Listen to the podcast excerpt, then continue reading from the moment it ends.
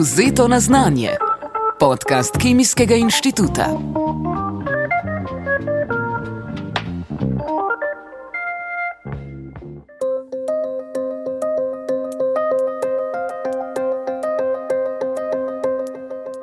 Lepo pozdravljeni v 12. epizodi podcasta Kemijskega inštituta z naslovom Vzeto na znanje.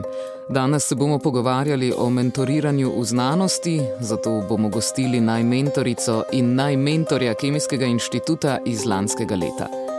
Laskavi naziv so jima na predlog njunih mentorirancev podelili decembra leta 2022. Govora je seveda o dr. Ivi Hafner Bratkovič, raziskovalki z odseka za sintezno biologijo in imunologijo, ter docentu dr. Petru Djinoviču, raziskovalcu z odseka za anorgansko kemijo in tehnologijo ter laboratorija za katalizatorje. Svojo odločitvijo, da postaneta mentorja, sta pripomogla tudi k statistikam, ki pravijo, da je 68 odstotkov mladih med 20 in 30 letom, ki imajo mentorja, odločenih, da bodo pri svoji organizaciji ostali še vsaj pet let.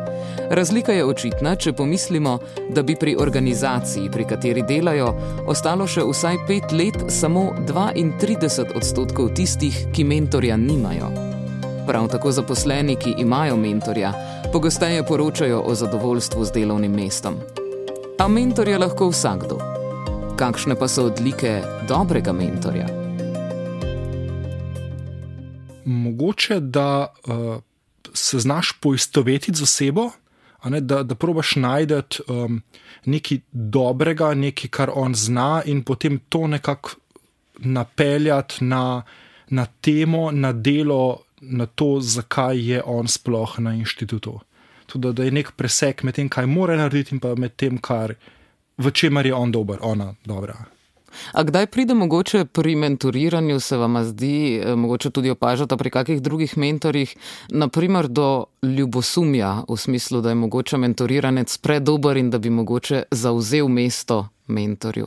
Mislim, do tega sigurno prihaja, ne? generalno, zdaj, da bi jaz to zelo občutno opazila, nisem. Recimo, niti, dobro, seveda sebe tako ne boš priznal, ne?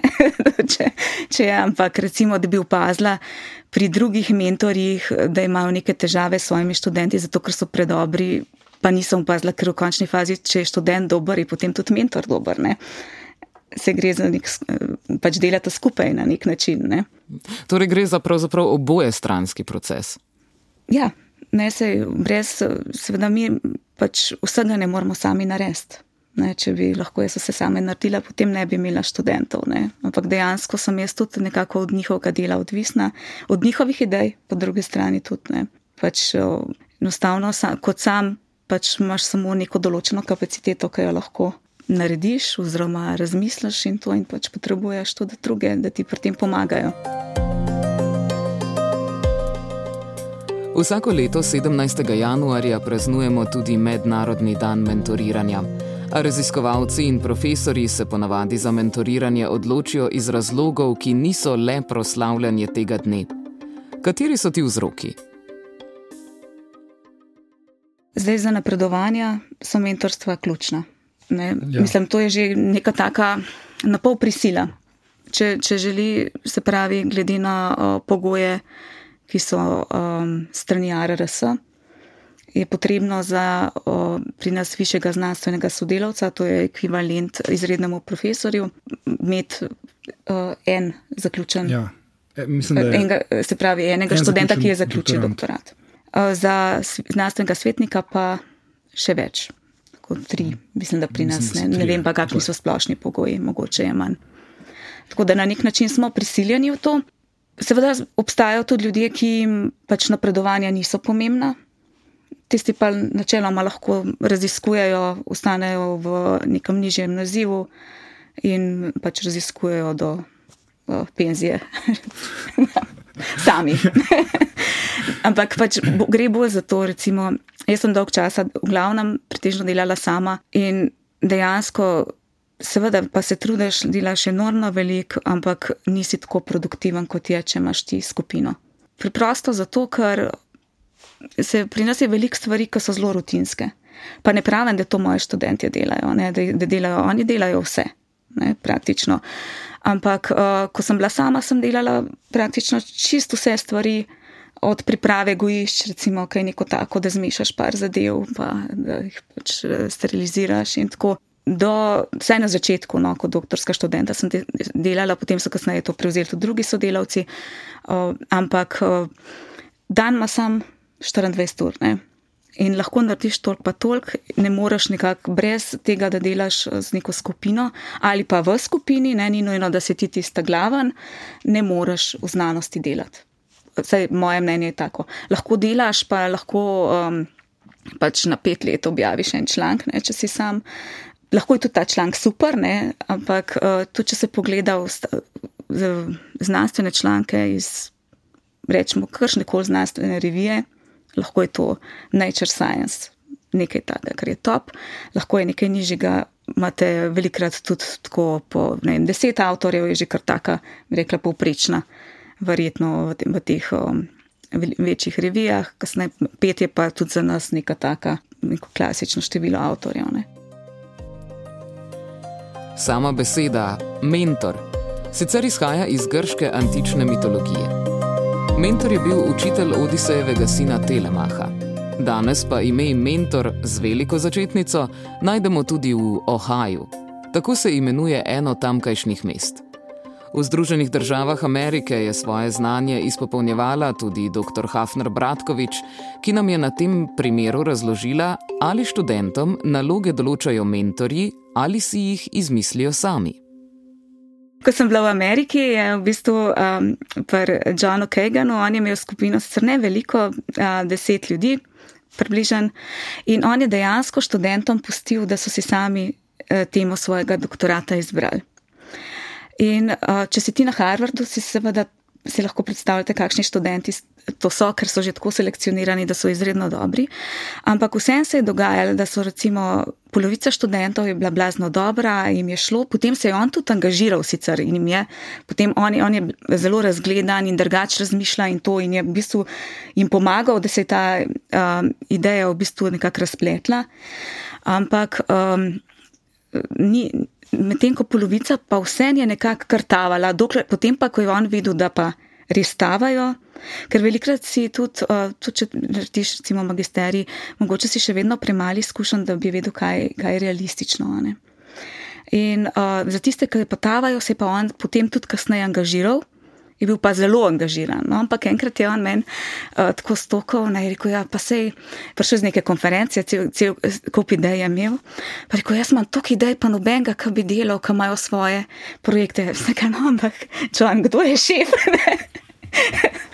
Pa, pa jim daj kakšno svojo idejo za delati, ali pa pošelj mail, dobil sem super idejo, a se kdo hoče angažirati. Ne? Tako da to je bilo meni bilo kar mal eh, smešno. Ampak ja, jaz si po svoje tudi, uh, je pa tako, tudi imamo nek pri nas, so kar tako zahtevni um, doktorati in neka osnovna ideja je, ampak potem ima pa študent znotraj um, nje blazno veliko možnosti, da svoje ideje razvije. Ne, ni to tako zabetonirano in čist um, straightforward, posebej pa potem takrat, ko dobimo neke rezultate, pa jih ne znamo interpretirati. Ne. Tako da ni, ni to, da bi po nareku delali, sploh ne. ne. Nisem hotela tega reči. Ne. Ampak še vedno je v bistvu na začetku neka ideja postavljena, potem pa jo oni razvijajo naprej.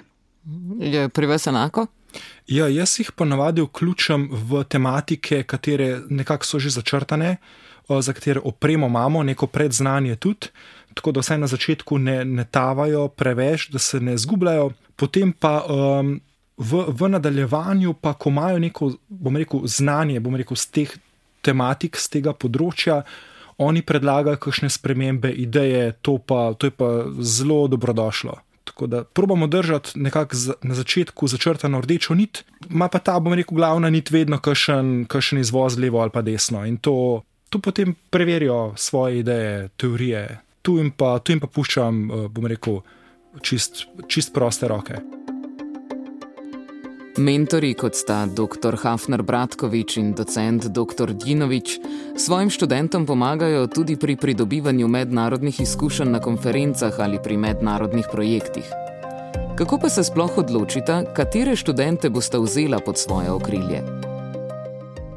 Ponovadi, kaj ni velike izbire, vsaj če lahko rečem um, za svoje primere pri uh, doktorskih študentih, ker včasih je bilo tako, ne, da, da si ti pač izbiral med petimi, desetimi kandidati, si jih na intervju povabil, si malo dobil občutka za ljudi, malo mal njihove reference, preteklo delo, znanje in si izbral najboljšega.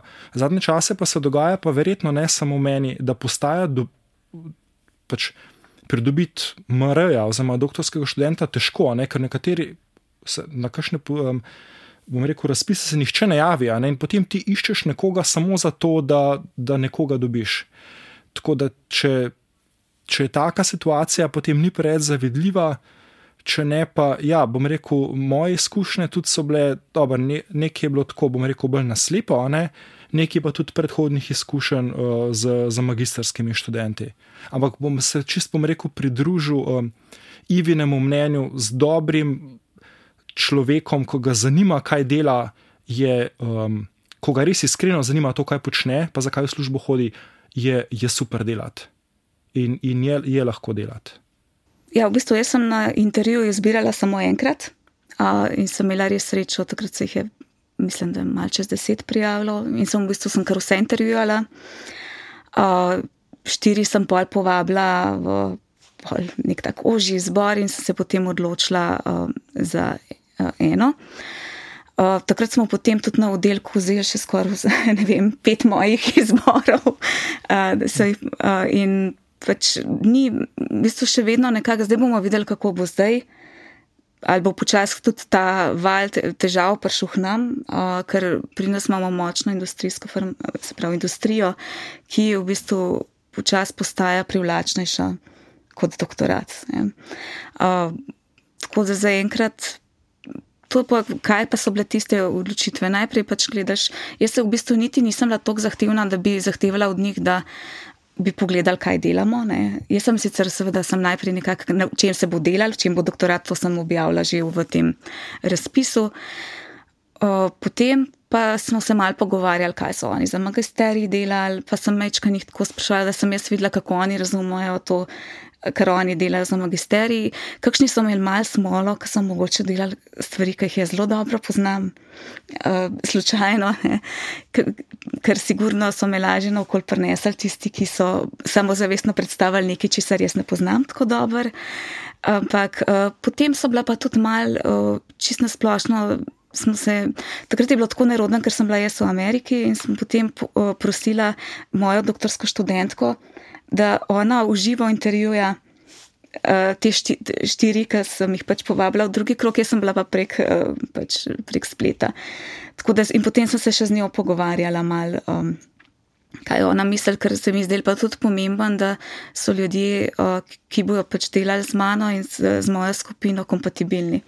Pač kdaj so kakšne malenkosti, ampak tega recimo na tem intervjujih tega nisem videla. Uh, se mi je že zgodilo, pa ko smo recimo izbirali uh, ekipe študentov za tekmovanje IČM, da so kakšni preveč samozavestno delovali.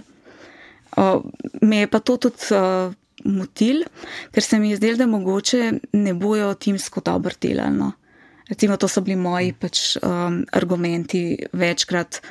In zdaj ne vem, bi, ampak za doktorskega študenta me mogoče to ne bi tako motilno tam pa se pravi, nekaj je, vseeno se mi zdi, da v našem delu je tudi. Um, Moš tudi mečkam pogledati, uh, ne vem, če ima sosed težavo ali pa tako, da si mal med sabo pomagamo, kot to, da ti čist premočrtno samo svoje stvari počneš.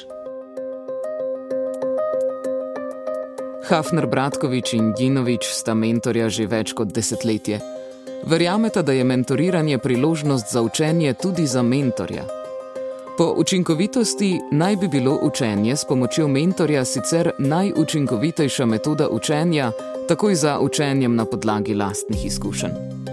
Mentoriranci današnjih gostov so že odrasli ljudje, a poleg običajnega mentorstva vsake toliko potrebujejo tudi povsem pedagoško spodbudo. Meni se zdi, da recimo v zadnjem letu uh, pred zagorom doktorata je tak, nek tak minimum, običajno. Uh, cel kup skrbi, to sem tudi sama doživela, vsak to, pa se to reče, no, to je to zadnje let, boš preživel, vsi smo, ne, ampak um, in se mi zdi, da v bistvu takrat mogoče je najbolj pomemben, da mentor zraven pride in da pač se pogleda rezultate, se da ideje in se reče, zdaj pa nared to, pa to, pa to. Bo vam tole napisala, uh, bo poslala, uh, tako da, da se vidi, da stvari niso uh, brezizhodne. No. Pač v teh, bom rekel, trenutkih teme, ne, če lahko tako rečemo.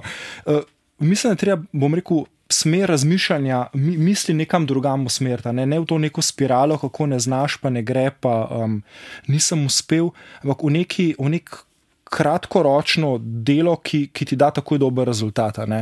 Najdete to, ponovadi, ponovadi se, se dobro konča.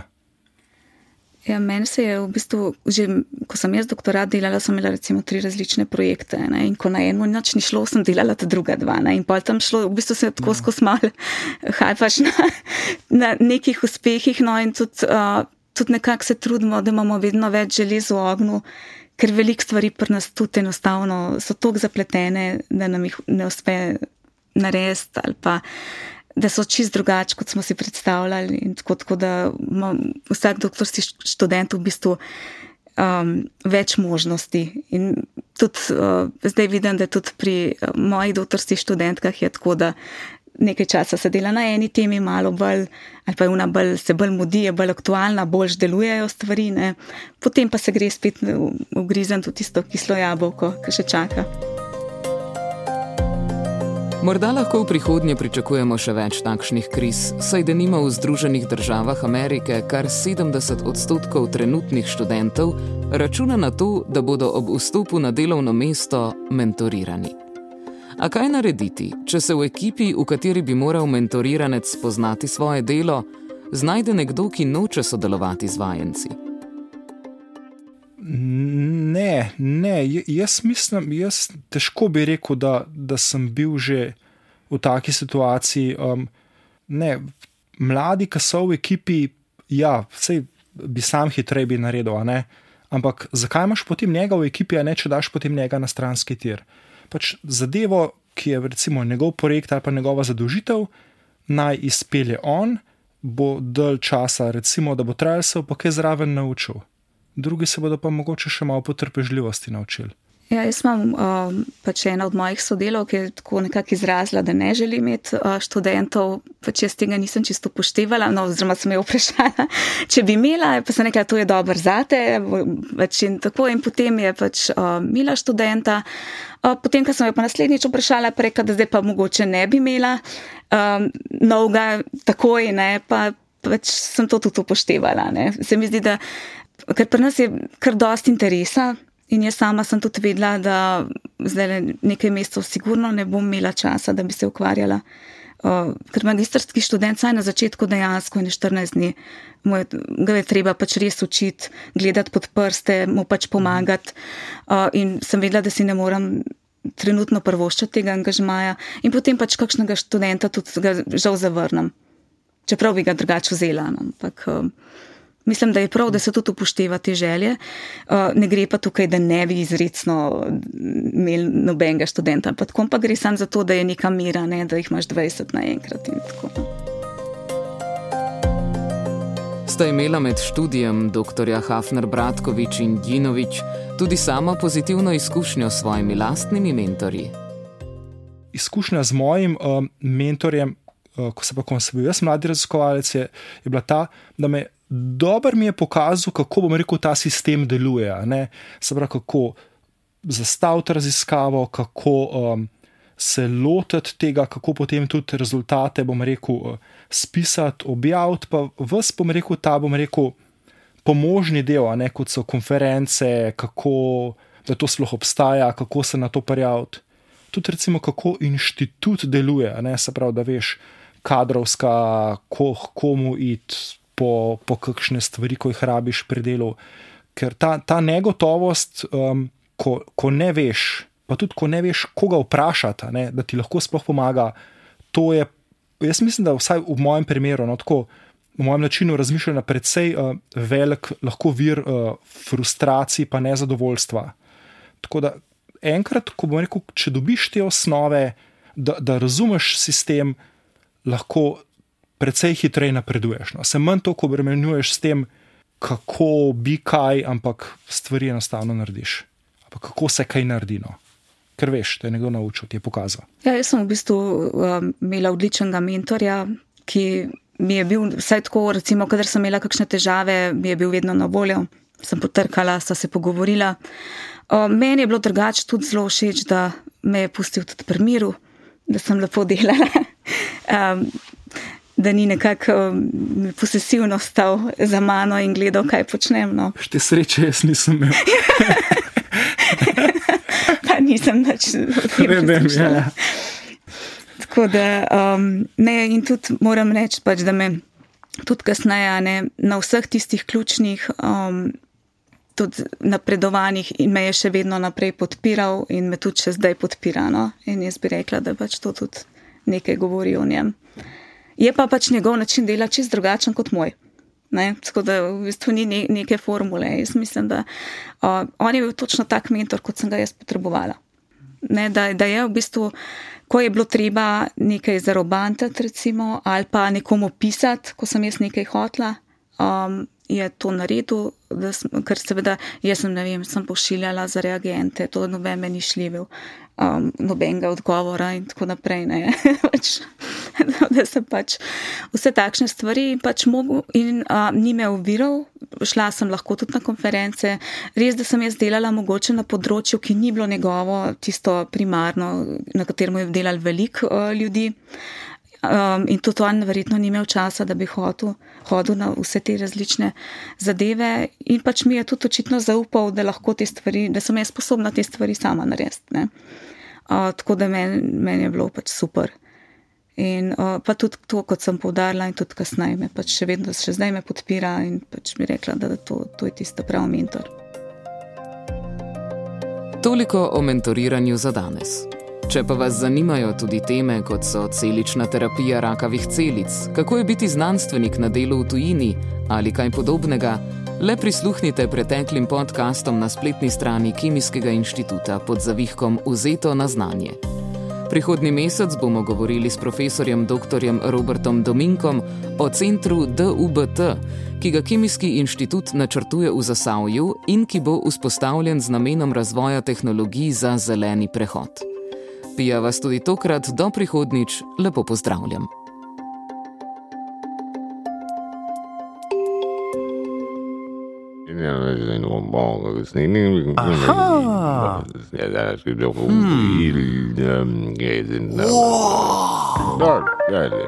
Vzeto na znanje.